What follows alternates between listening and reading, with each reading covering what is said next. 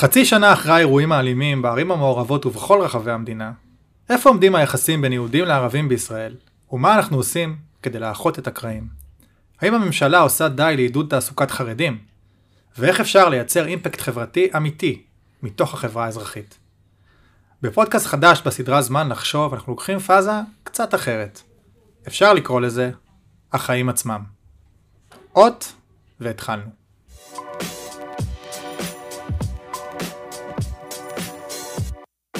זמן לחשוב, הפודקאסט של גופמן קריאיטיב, על השראה ומציאות. אז שלום לרון גרליץ, מנכ"ל מרכז אקורד, פסיכולוגיה חברתית לשינוי חברתי. שלום גיא.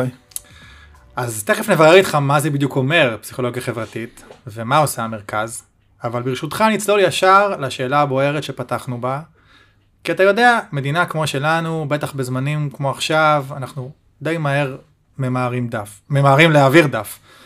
אבל uh, מה שקרה כאן במאי 21, אפרופו סבב האלימות, סבב ההסלמה האחרון בעזה, זה פצע די פתוח, uh, ולא, ולא באמת uh, עברנו הלאה, או שכן. Uh, אז אתם באקורד בודקים uh, וגם ממש מחמתים את עוצמת הקונפליקט, אם אפשר לקרוא לזה ככה. אז נשמח לשמוע ממך קצת פרטים על המחקרים, נתונים מעודכנים, מה שתבחר לספר לנו. אז באמת בחודש מאי היו אירועים אה, אלימים בין האזרחים היהודים והערבים בהיקף ש, שמעולם לא היה בישראל. ואנחנו באקורד פסיכולוגיה חברתית לשינוי חברתי, יצאנו לסדרה של מחקרים בעקבות אירועי מאי, בשביל לבדוק את, ה, את העמדות ואת התפיסות של יהודים וערבים אחד כלפי השני. אה, ביצענו אה, שלושה דגימות, ביולי, בספטמבר ובדצמבר. אנחנו כבר ניתחנו את הדגימות של יולי וספטמבר ואני יכול לשתף בממצאים וגם במגמות שמצאנו. בדקנו גם רגשות שליליים כמו שנאה, פחד, תמיכה בהחרמה. של, של קבוצה כלפי קבוצה. של יהודים כלפי ערבים, אבל גם רגשות חיוביים כמו רצון לקרבה, אמפתיה וגם תקווה לשיפור היחסים. Mm-hmm. הממצאים כולם באתר שלנו, אני מזמין אתכם לראות. אני אגיד שאנחנו מצאנו רמות גבוהות ומטרידות מאוד של עמדות ותפיסות שליליות. אם אנחנו מסתכלים על המגמה בין יולי לספטמבר, אנחנו מוצאים שמצד אחד הממצאים כן מצביעים על מגמות חיוביות של שינוי בקרב יהודים וערבים, יש עלייה במוטיבציה לקרבה, יש עלייה במידה של האמפתיה, ויש ירידה במידה של הכעס כלפי הקבוצה השנייה, יהודים וערבים וערבים כלפי יהודים. בין המדידה של יולי למדידה של ספטמבר, זאת אומרת היה איזשהו גאות ברמת הכעס וה... והרצון אה, להחרים, ואתה אומר זה קצת שכח. זה קצת שכח, בקרב היהודים גם ראינו ירידה ברמה של הפחד, מערבים בין יולי לספטמבר, אבל מצד שני מצאנו מגמות שליליות בקרב ערבים. בין יולי לספטמבר אנחנו מצאנו עלייה ברמה של הפחד, עלייה ברמה של האי האמון ו- וגם עלייה בשנאה כלפי יהודים.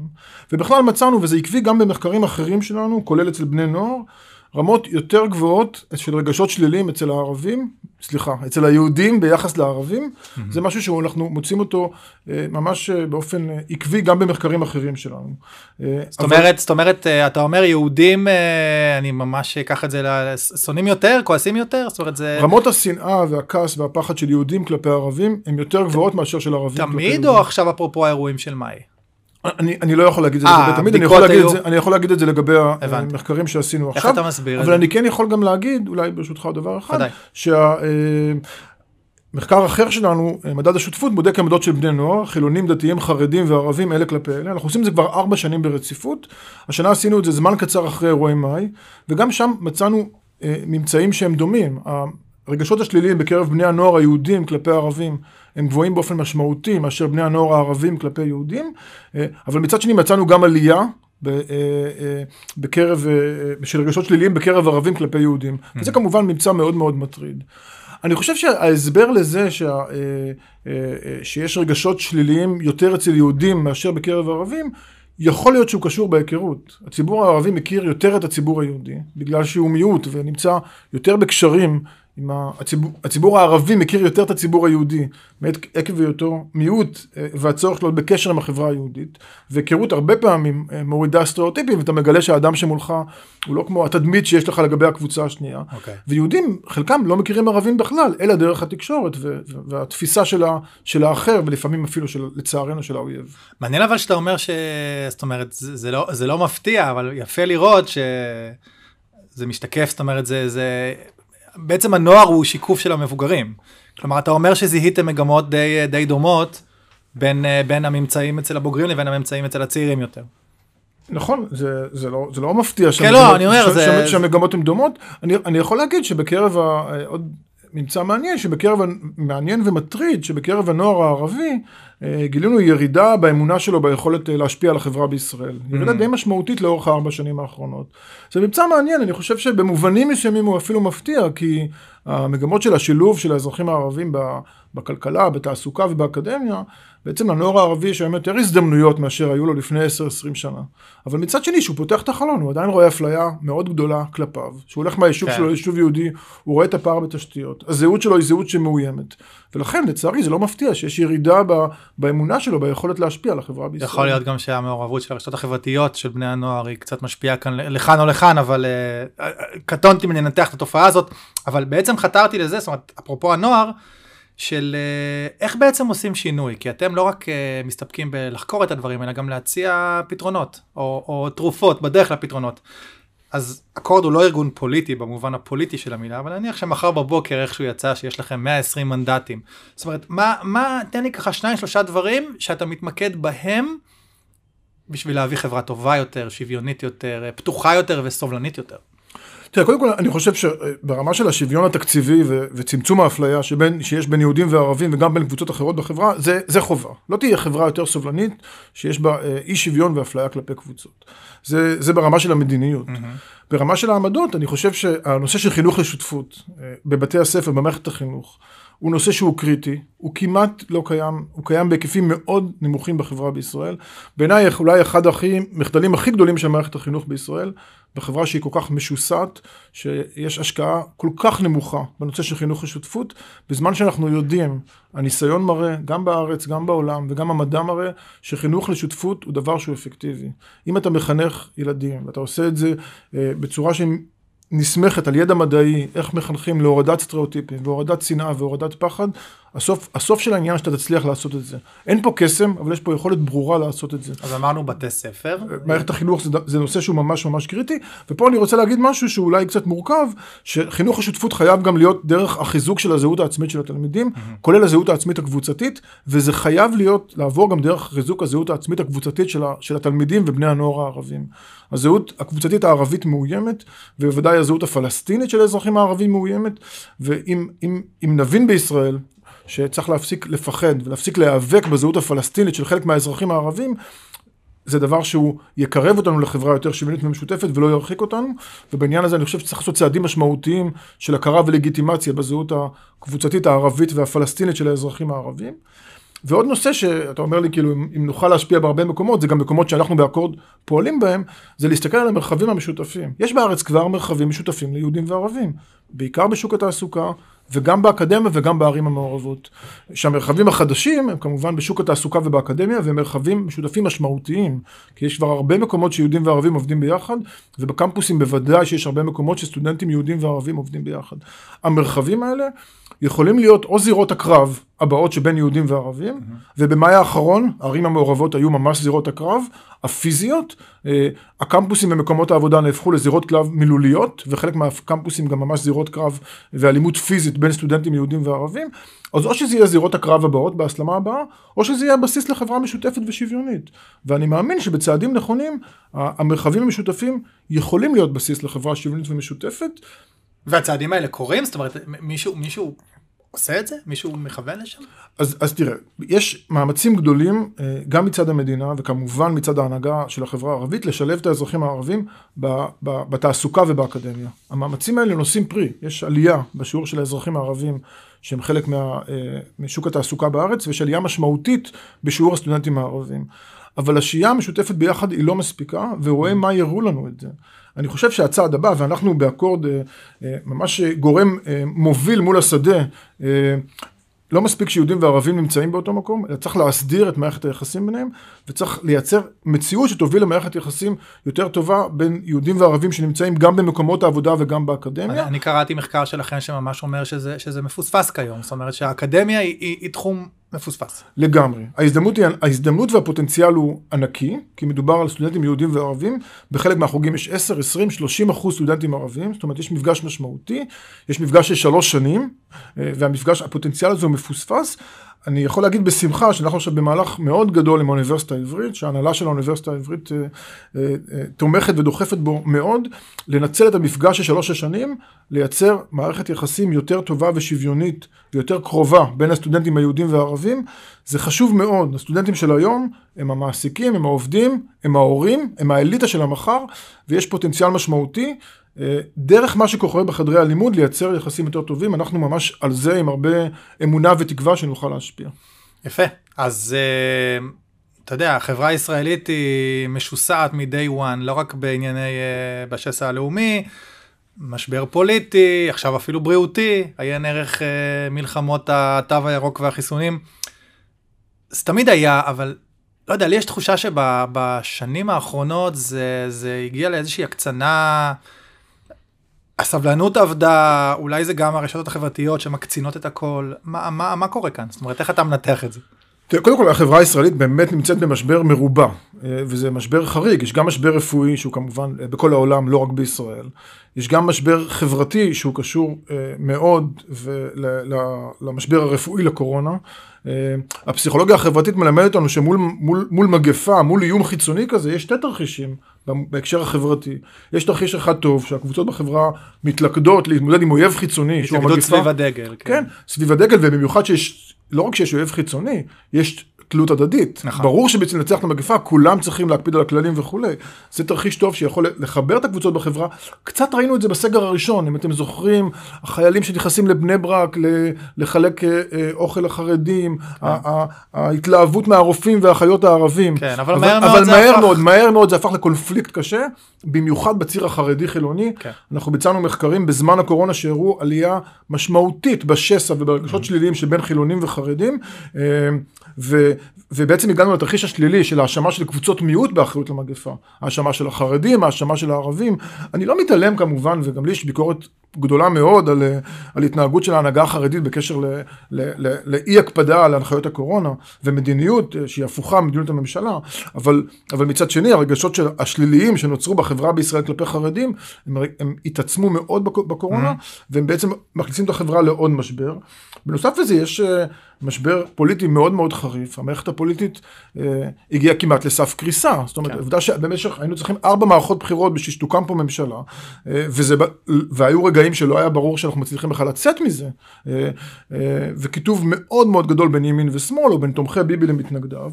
ו- ואחרי, ש- ואחרי כל זה גם היה את, ה- את, ה- את האירועים האלימים שבין יהודים וערבים במאי. ובעצם החברה הישראלית מתמודדת מול אתגר מאוד מאוד קשה. אני חושב שהנושא של היחסים בין קבוצות, שזה נושא שאני והארגון שאני אה, נמצא בו מוביל, אני חושב שהיום כולם מבינים שזה אחד האתגרים הכי משמעותיים שהחברה בישראל ניצבת ביניהם. Mm-hmm. כי, כי באמת השילוב של המשברים מוביל את החברה היינו קרובים אולי למצב של, של התפרקות. אה, אני חייב להגיד ש, ש, ש, שבעניין הזה הממשלה החדשה, שגם יש לי הרבה ביקורת עליה על הרבה מאוד נושאים, היא בוודאי אה, משדרת מסרים אחרים כן. ביח, לחברה בישראל אה, לגבי ה, ה, ה, הקשר והצורך להיות בקשר יותר סובלני בין קבוצות בישראל, ובוודאי ביחס לממשלה הקודמת, שגם היא ובוודאי העומד בראשה, עסקו באופן כמעט קבוע בשיסוי הקבוצות בין חברה בישראל. ו- כן. ואני חושב שיש לממשלות הקודמות, ממשלות נתניהו, יש תרומה משמעותית לשסעים החברתיים, כי, כי באמת היה באופן אינטנסיבי ניסיון להגביר את השסעים. לרכוב על הנמר. גם בין יהודים וערבים, גם בין מזרחים לאשכנזים, גם בין דתיים לחילונים. כן. ובעניין אז... הזה הממשלה הנוכחית היא בוודאי מובילה לכיוון יותר נכון. אני רוצה לחדד אה, שתי נקודות שנגעת בהן, אחד זה באמת הקואליציה המיוחדת, אבל לפני כן החברה החרדית. אה, תחום שאתם עוסקים בו באמת לא מעט ו- ו- ודיברת על זה הקורונה לפחות בניתוח שלי חידדה כמה סוגיות שככה תיתנו מתחת לשטיח. זאת אומרת אה, סוג של לא יודע אולי אפילו אוטונומיה תרבותית בתוך מדינה שלא זה לא זה לא מצב בר קיימא. אה, אז בוא נדבר רגע על, על, על אותם פתרונות שאנחנו מחפשים שאתם מחפשים. אחד מהם זה שילוב שילוב בתעסוקה עידוד תעסוקה. יש מיזמים של חרדים להייטק יש דיבורים על, על, על מנועי צמיחה השאלה אם זה באמת קורה, זאת אומרת עד כמה זה דיבורים ועד כמה זה מעשים. אני קודם כל אגיד שהשילוב של החברה החרדית בכלכלה ובחברה בישראל הוא אתגר גדול וחשוב מאוד של החברה בישראל. Mm-hmm. החברה החרדית, צריך להתייחס אליה כבשר מבשרה של החברה בישראל, ויש אתגרים גדולים מאוד וצריך להישיר מבט אליהם. אחד הדרכים להתקדם, אה, בהתקשר לכל האתגרים האלה, הוא באמת שילוב בתעסוקה, לפחות של האזרחים החרדים שרוצים להיות חלק משוק התעסוקה. אה, ויש כאלה שרוצים להיכנס לשוק התעסוקה, ויש חסמים מאוד גדולים, שגם קשורים למערכות החינוך שהם למדו בהם, וגם קשורים לצערי לסטריאוטיפים ועמדות שליליות של מעסיקים חילונים כלפי חרדים. אנחנו עכשיו עשינו אה, מחקר אה, מאוד גדול עבור הג'וינט, ובדקנו עמדות של מעסיקים כלפי מועמדים חרדים, ולצערי מצאנו שיש עמדות שליליות, ואתה יכול למצוא מצב שהצעיר החרדי, אחרי שהוא כבר למד בתיכון כמו שצריך, והוא כבר למד במכללה, שהוא מגיע לעבודה, לא מקבלים אותו בגלל סטריאוטיפים כלפי חרדים. לא רק שזה עוול כלפיו, זה גם דבר שהוא מאוד רע לחברה בישראל. גם פחות מה- פחות מה- מההשתלבות של החברה הערבית, עד כמה שאני מבין. לגמ, לגמרי, לגמרי פחות, החברה הערבית משולבת אה, יותר בכלכלה מאשר החברה החרדית, ו, ואני אגיד יותר מזה, אכן יש יוזמות לשילוב החרדים בכלכלה ובתעסוקה, יש, יש יוזמות יפות, יש יוזמות משמעותיות, אבל בסך הכל ההשקעה הממשלתית בשילוב החרדים בתעסוקה היא השקעה נמוכה מאוד.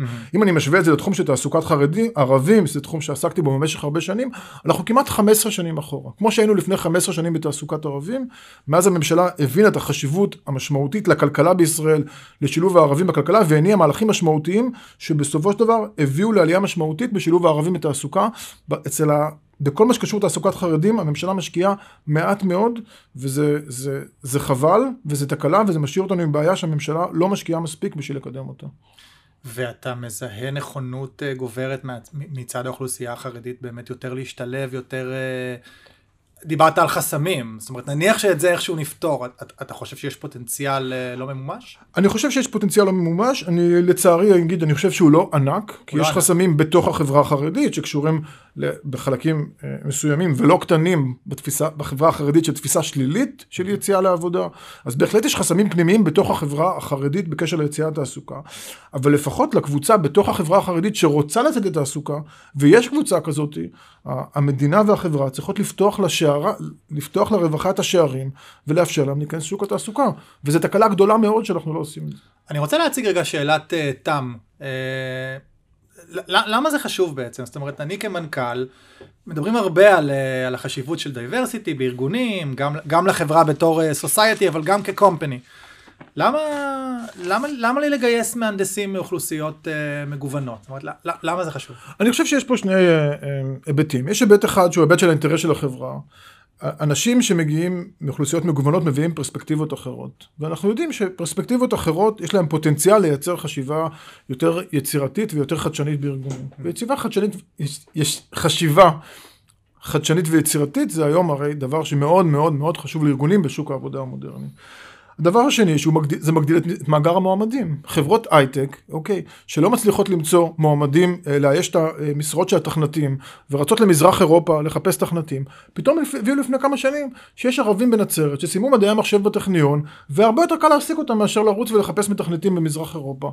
והם עכשיו מתחילים להעסיק אותם, ואתה רואה שינוי משמעותי בהייטק בהכנסה, בכניסה של ערבים. ו- ומי שעדיין תקוע בזה שהוא לא רוצה להעסיק ערבים, אז הוא לא, מצפיק, לא מספיק עובדים לעסק שלו, לא בארומה, לא בסופר פארם ולא בחברות הייטק. אתה אומר, עזבו מזרח אירופה, ברור למזרח ירושלים.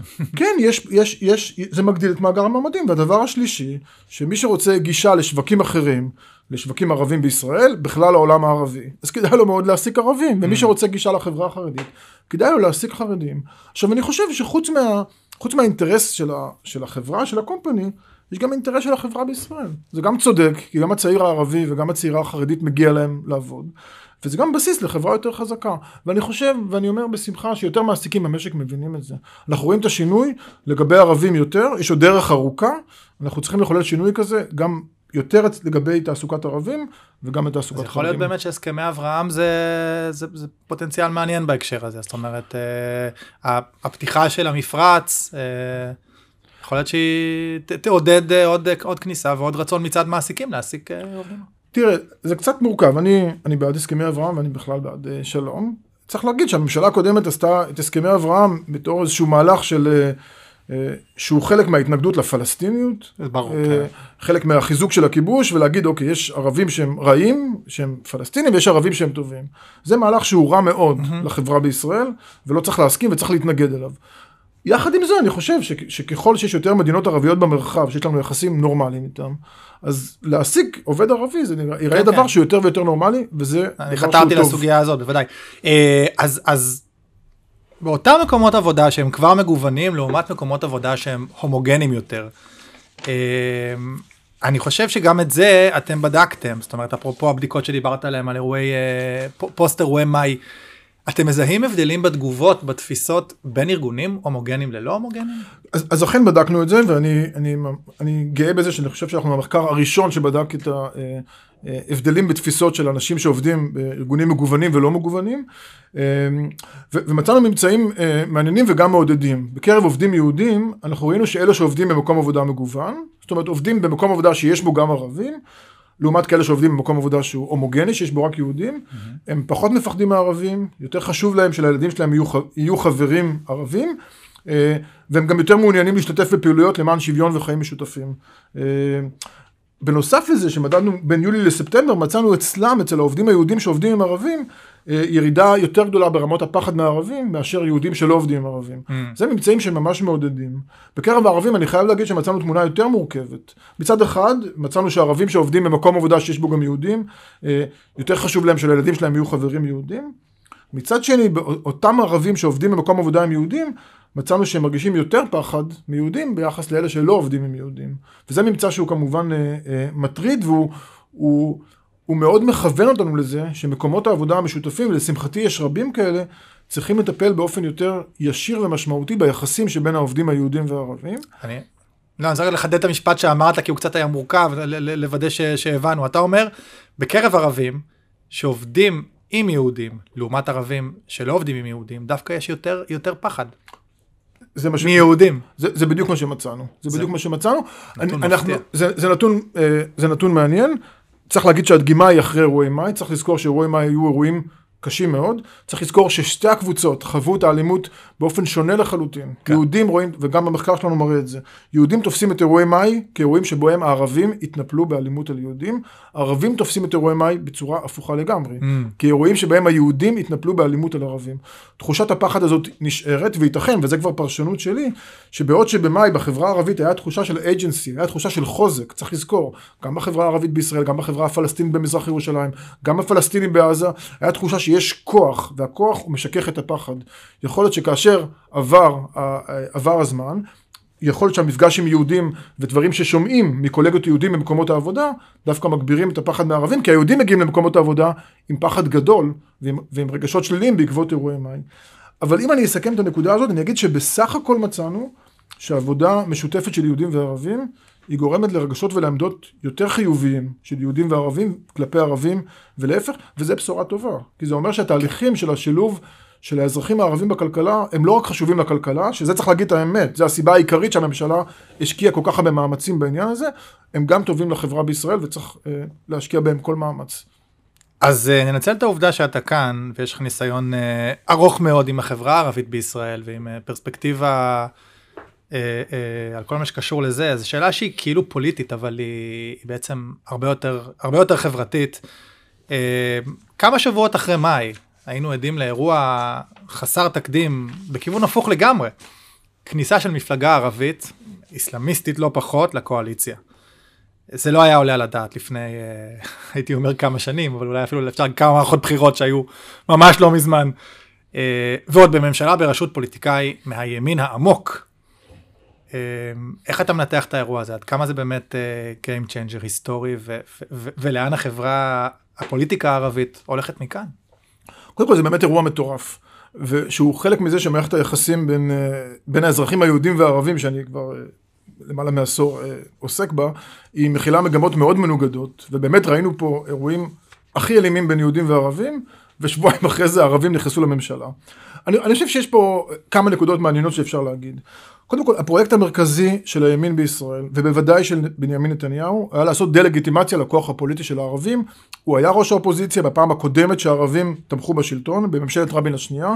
הוא ראה מה המשמעות שהשמאל נמצא בשלטון ביחד עם הערבים, והוא במשך שני עשורים פעל בשביל לעשות דה-לגיטימציה לפוליטיקאים הערבים. הפרויקט הזה שלו בסוף קרס, והקריסה של הפרויקט הזה שלו גם הקריסה את השלטון שלו, והעיפה אותו מהשלטון, וזו נקודה מאוד משמעותית. הנקודה השנייה היא קשורה לא רק לעניין הזה, אלא שזה מוכיח שאפשר לחולל שינויים, או יכולים להתחולל שינויים מאוד מהירים בפוליטיקה בישראל. אתה, אתה מאוד צודק, זה דבר שלפני שנתיים, לפני שנתיים, בשמאל הציוני היה עדיין התנגדות גדולה לשותפות עם הערבים בממשלה. היום בשמאל הציוני אנחנו עושים על זה באקורד מחקרים באופן שוטף, כולל מחקר חדש מלפני חודש. בשמאל הציוני זה כבר כמעט קונצנזוס, שותפות עם הערבים בממשלה. זוכרים את הזועביז של של לגמרי, לפיד? לגמרי. במרכז, ואנחנו זוכרים את הזועבי של לפיד, היום במרכז יש, יש רוב גדול מאוד לשותפות עם הערבים בממשלה, ואפילו בימין יש תמיכה, לא רוב, אבל יש תמיכה. זאת אומרת, היה פה שינוי מאוד מאוד מהיר מדה-לגיטימציה למצב שאפילו ראש ממשלה מהימין המובהק מכניס מפלגה ערבית אסלאמיסטית לשלטון. והדבר הזה, הוא גם מוכיח שאפשר לעשות שינויים משמעותיים, אני חושב שכל מי שרוצה לחולל שינויים פוליטיים בישראל זה לקח ו- ומסקנה, וצריך למלא אותו באנרגיה, וזה גם מייצר נורמה חיובית, שזה דבר, אנחנו מתרגלים, שיום אחרי יום אנחנו שומעים שיש, שהערבים הם חלק מהשלטון, חלק מהקואליציה, חלק מקבלת החלטות, וזה מייצר נורמה חיובית הם חלק בחברה בישראל. מהמשחק. הם חלק מהמשחק. אני רוצה אבל להגיד נקודה אחת שהיא כן מטרידה, בשותפ... מטרידה אפילו בעיניי מאוד בשותפות הפוליטית הזאת. קודם כל שהמפלגה הערבית הסכימה להיכנס לקואליציה רק תמורת אה, אה, אה, סוגיות אזרחיות ולא סוגיות לאומיות, כמו ביטול חוק הלאום, ש, שהיה רצוי מאוד שהם היו מתנים את הכניסה שלהם. הם אמרו, אנחנו ש"ס של של המגזר, ממש אה, בצורה מוצהרת. הם באמת ויתרו על דרישות לאומיות, בניגוד לשותפות הקודמת שהוביל אותה תאופיק זיאד, מנהיג חדש, שהדרישה לשותפות הקודמת היה משא ומתן עם הפלסטינים, שבאמת אה, קרה בתקופת ממשלת רבין, אבל יותר מזה, המפלגה הערבית שהיום חלק מהקואליציה, זו מפלגה שהייתה מוכנה לחבור לימין הכי קיצוני, והיא עדיין מוכנה לחבור לימין. ואני חושב שאנשים במרכז-שמאל חייבים להתעורר, אוקיי? זה מאוד משמח שהמפלגה הערבית, זה, זה, זה משמח שהמפלגה הערבית היא חלק מהקואליציה, אבל המרכז-שמאל צריך לייצר את הבריתות עם כל הפוליטיקה הערבית, כי זאת הדרך היחידה של המרכז-שמאל לחזור לשלטון, אחרת נמצא את עצמנו שהכוח הפוליטי הערבי משמעותי, ייתן את הימין, לימין את השלטון לעוד הרבה מאוד שנים, וזה מצב מסוכן. אבל אם, אם מסתכלים רגע בראייה חברתית, אה, שיותר קרובה למחקרים שאתם עורכים, אולי, אולי הצעה למחקר בהמשך, עד, עד כמה זה באמת החזיר את, ה, את התקווה, עד כמה עצ, עצם השותפות במשחק, מעניין מה היא תעשה לאחוזי הצבעה, זאת אומרת, זה, זה דברים שעוד ימים יגידו, אבל אני חושב שזה מרתק. לגמרי ימים יגידו, אני, אני חוש... אנחנו רואים בקרב הציבור היהודי בישראל, שהעובדה שהערבים הם חלק מהשלטון, זה מייצר נורמה שהיא חיובית ומשמעותית. לא, אני אומר זה בראייה מייצר חברה לגיטימציה. ערבית, בראייה- ב- בעיני החברה הערבית זה מאוד תלוי מה יקרה עם השותפות, נכון. והאם היא תביא להצלחות טובות. האם היא תביא דיבידנדים וכן, לגמרי. תפרע את השטר. אה, אז, אז בוא נחזור למה שבעצם היינו צריכים אולי לפתוח בו, פסיכולוגיה חברתית לשינוי חברתי. מה זה פסיכולוגיה חברתית, איך עושים שינוי חברתי, ומה זה מרכז הקורט. אז אני אתחיל עם מרכז אקורד. מרכז אקורד הוא גם לפני חמש שנים על ידי אה, פרופסור ערן אלפרין, שהוא פרופסור אה, לפסיכולוגיה חברתית, ממש מהמובילים בעולם בתחום שלו. אה, המרכז הוקם והמרכז פועל מתוך תפיסה שידע מדעי בפסיכולוגיה חברתית ביחסים בין קבוצות הוא קריטי והוא חשוב לכל מי שרוצה לפעול בהקשר של היחסים בין קבוצות, ושלצערנו הידע הזה לא מספיק בשימוש. יש הרבה גופים בישראל שפועלים בהקשר של היחסים בין קבוצות, יש, פועל, יש גופים שפועלים נגד גזענות, יש גופים שפועלים נגד סטריאוטיפים שליליים, יש גופים שרוצים לקדם יחסים שוויוניים וסובלניים, בהקשרים של תעסוקה, בהקשרים של חינוך, בהקשרים חברתיים שונים. הרבה פעמים ידע מדעי שאומר מה עובד ומה לא עובד, שרוצים לשנות עמדות ותפיסות של אנשים, לא נמצא בשימוש. וזה טרגדיה, כי זה פוגע ביכולת שלנו להצליח בכיוונים האלה. כשאתה רוצה במערכת החינוך לחנך ילדים נגד שנאת ערבים או שנאת חרדים, זה לא יעזור שהמורה תבוא ותגיד להם שזה לא בסדר לשנוא את הערבים או את החרדים.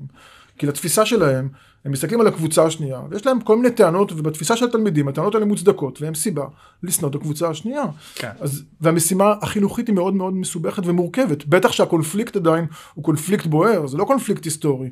לא בין יהודים וערבים ולא השסע החרדי-חילוני. והמדע בפסיכולוגיה חברתית אומר לנו, הוא גם מסביר לנו למה נוצרות התפיסות האלה, הסטריאוטיפיות והשליליות כלפי קבוצה אחרת, וגם איזה כלים יכולים להיות אפקטיביים אה, בהתמודדות עם הסטריאוטיפים האלה.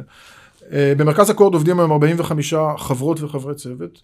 אנחנו עובדים בתחומים שונים אה, באופן אינטנסיבי בתחום של חינוך ושותפות וגם בתחום של תעסוקה מגוונת אה, ובעוד תחומים אנחנו גם נכנסנו לאחרונה בתחום של לעיסוק בהקשר של הסכסוך הישראלי-פלסטיני וחתירה לשלום ובכל התחומים האלה אנחנו עובדים עם גופים, גם עם ארגוני חברה אזרחית וגם עם גופי ממשלה בשביל לעזור להם להטמיע ידע מדעי בפעולה שלהם וככה לגרום לפעולה שלהם בשדה להיות יותר אפקטיבית. אתם בעצם קשורים לאוניברסיטה, לאוניברסיטה העברית בירושלים באיזשהו... מרכז אקורד זה ארגון שהוא uh, עצמאי, אבל הוא גם חלק מהאוניברסיטה העברית בירושלים. אוקיי.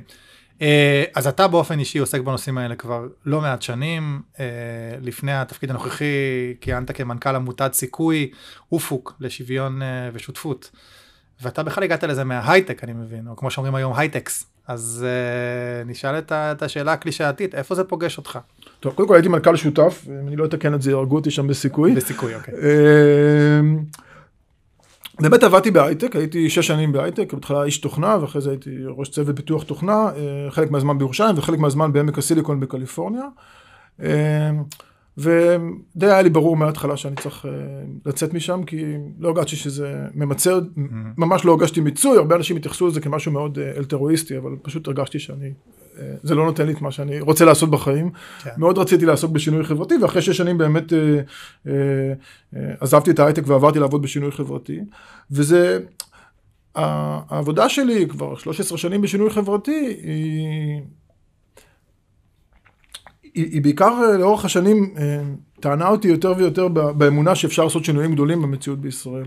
לא, לא בתוך איזו תפיסה ספיר, אה, ספיריטואלית, אלא, אלא בתוך באמת התבוננות ובתוך ניסיון חיים וניסיון עבודה, לראות שבעבודה קשה ומאומצת של ארגון חברה אזרחית, אפשר לפעמים לעשות שינויים משמעותיים בחברה בישראל, וזה מאוד, זה עד היום עדיין משמח ומרגש אותי.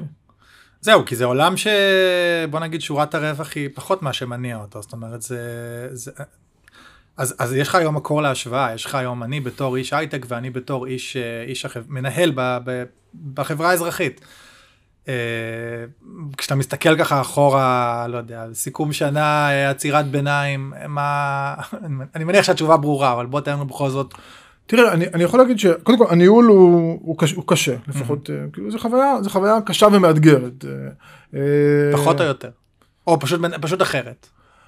אני לא יודע, אני, אני בהייטק הייתי בתפקידים זוטרים, אז כן, אני, לא, אוקיי. אני לא יכול להשוות את, את הניהול המשמעותי שלי, אני עושה בחברה האזרחית. אני יכול להגיד שלהיות בחברה האזרחית, ובטח בתפקידי ניהול והובלה, יש בזה משהו שהוא מאוד מאוד מיוחד. כי בעצם יש לך איזושהי פריבילגיה שאתה יכול אה, לפתוח את החלון, להסתכל על המציאות החיצונית, בתחום שהארגון שלך עוסק בו. ולשנות אותה. ולי עכשיו יש פריבילגיה שאני עוסק בארגון שעוסק ביחסים בין קבוצות, שזה כאילו אולי חלק כל כך גדול מהאתגרים שבמציאות, להסתכל החוצה.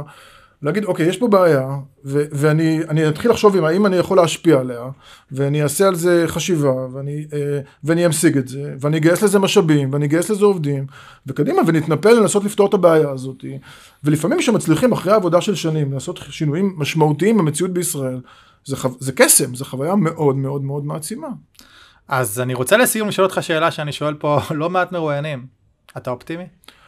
האמת שאופטימי, אני, אני, האמת שאני מאוד אופטימי, אני קצת, אני גם חושש, כי אה, אני, חושב, ש, כי כמו שאמרנו מקודם, יש המון, אה, החברה בישראל, הקונפליקטים הם מאוד מאוד גדולים, אבל אני חושב שבהקשרים הבין קבוצתיים ראינו גם התקדמויות משמעותיות ב, בשנים האחרונות, ואני חושב שלכל הפחות יש לנו אפשרות ממשית להגיע לחברה שהיא הרבה יותר שוויונית ומשותפת, זה מאוד תלוי מה נעשה, זה ממש בידיים שלנו. רון גרליץ, מנכ"ל מרכז אקורד, תודה רבה שהיית איתנו והזכרת לנו את מה שנמצא לנו כל הזמן, ממש מתחת לאף. ואני רוצה להזמין אותך ואת כל המאזינים שלנו להאזין לעוד פרקים מרתקים בסדרת הפודקאסטים של גופמן קריאייטיב. חפשו אותנו, זמן לחשוב, באפליקציות הפודקאסטים. ביי בינתיים.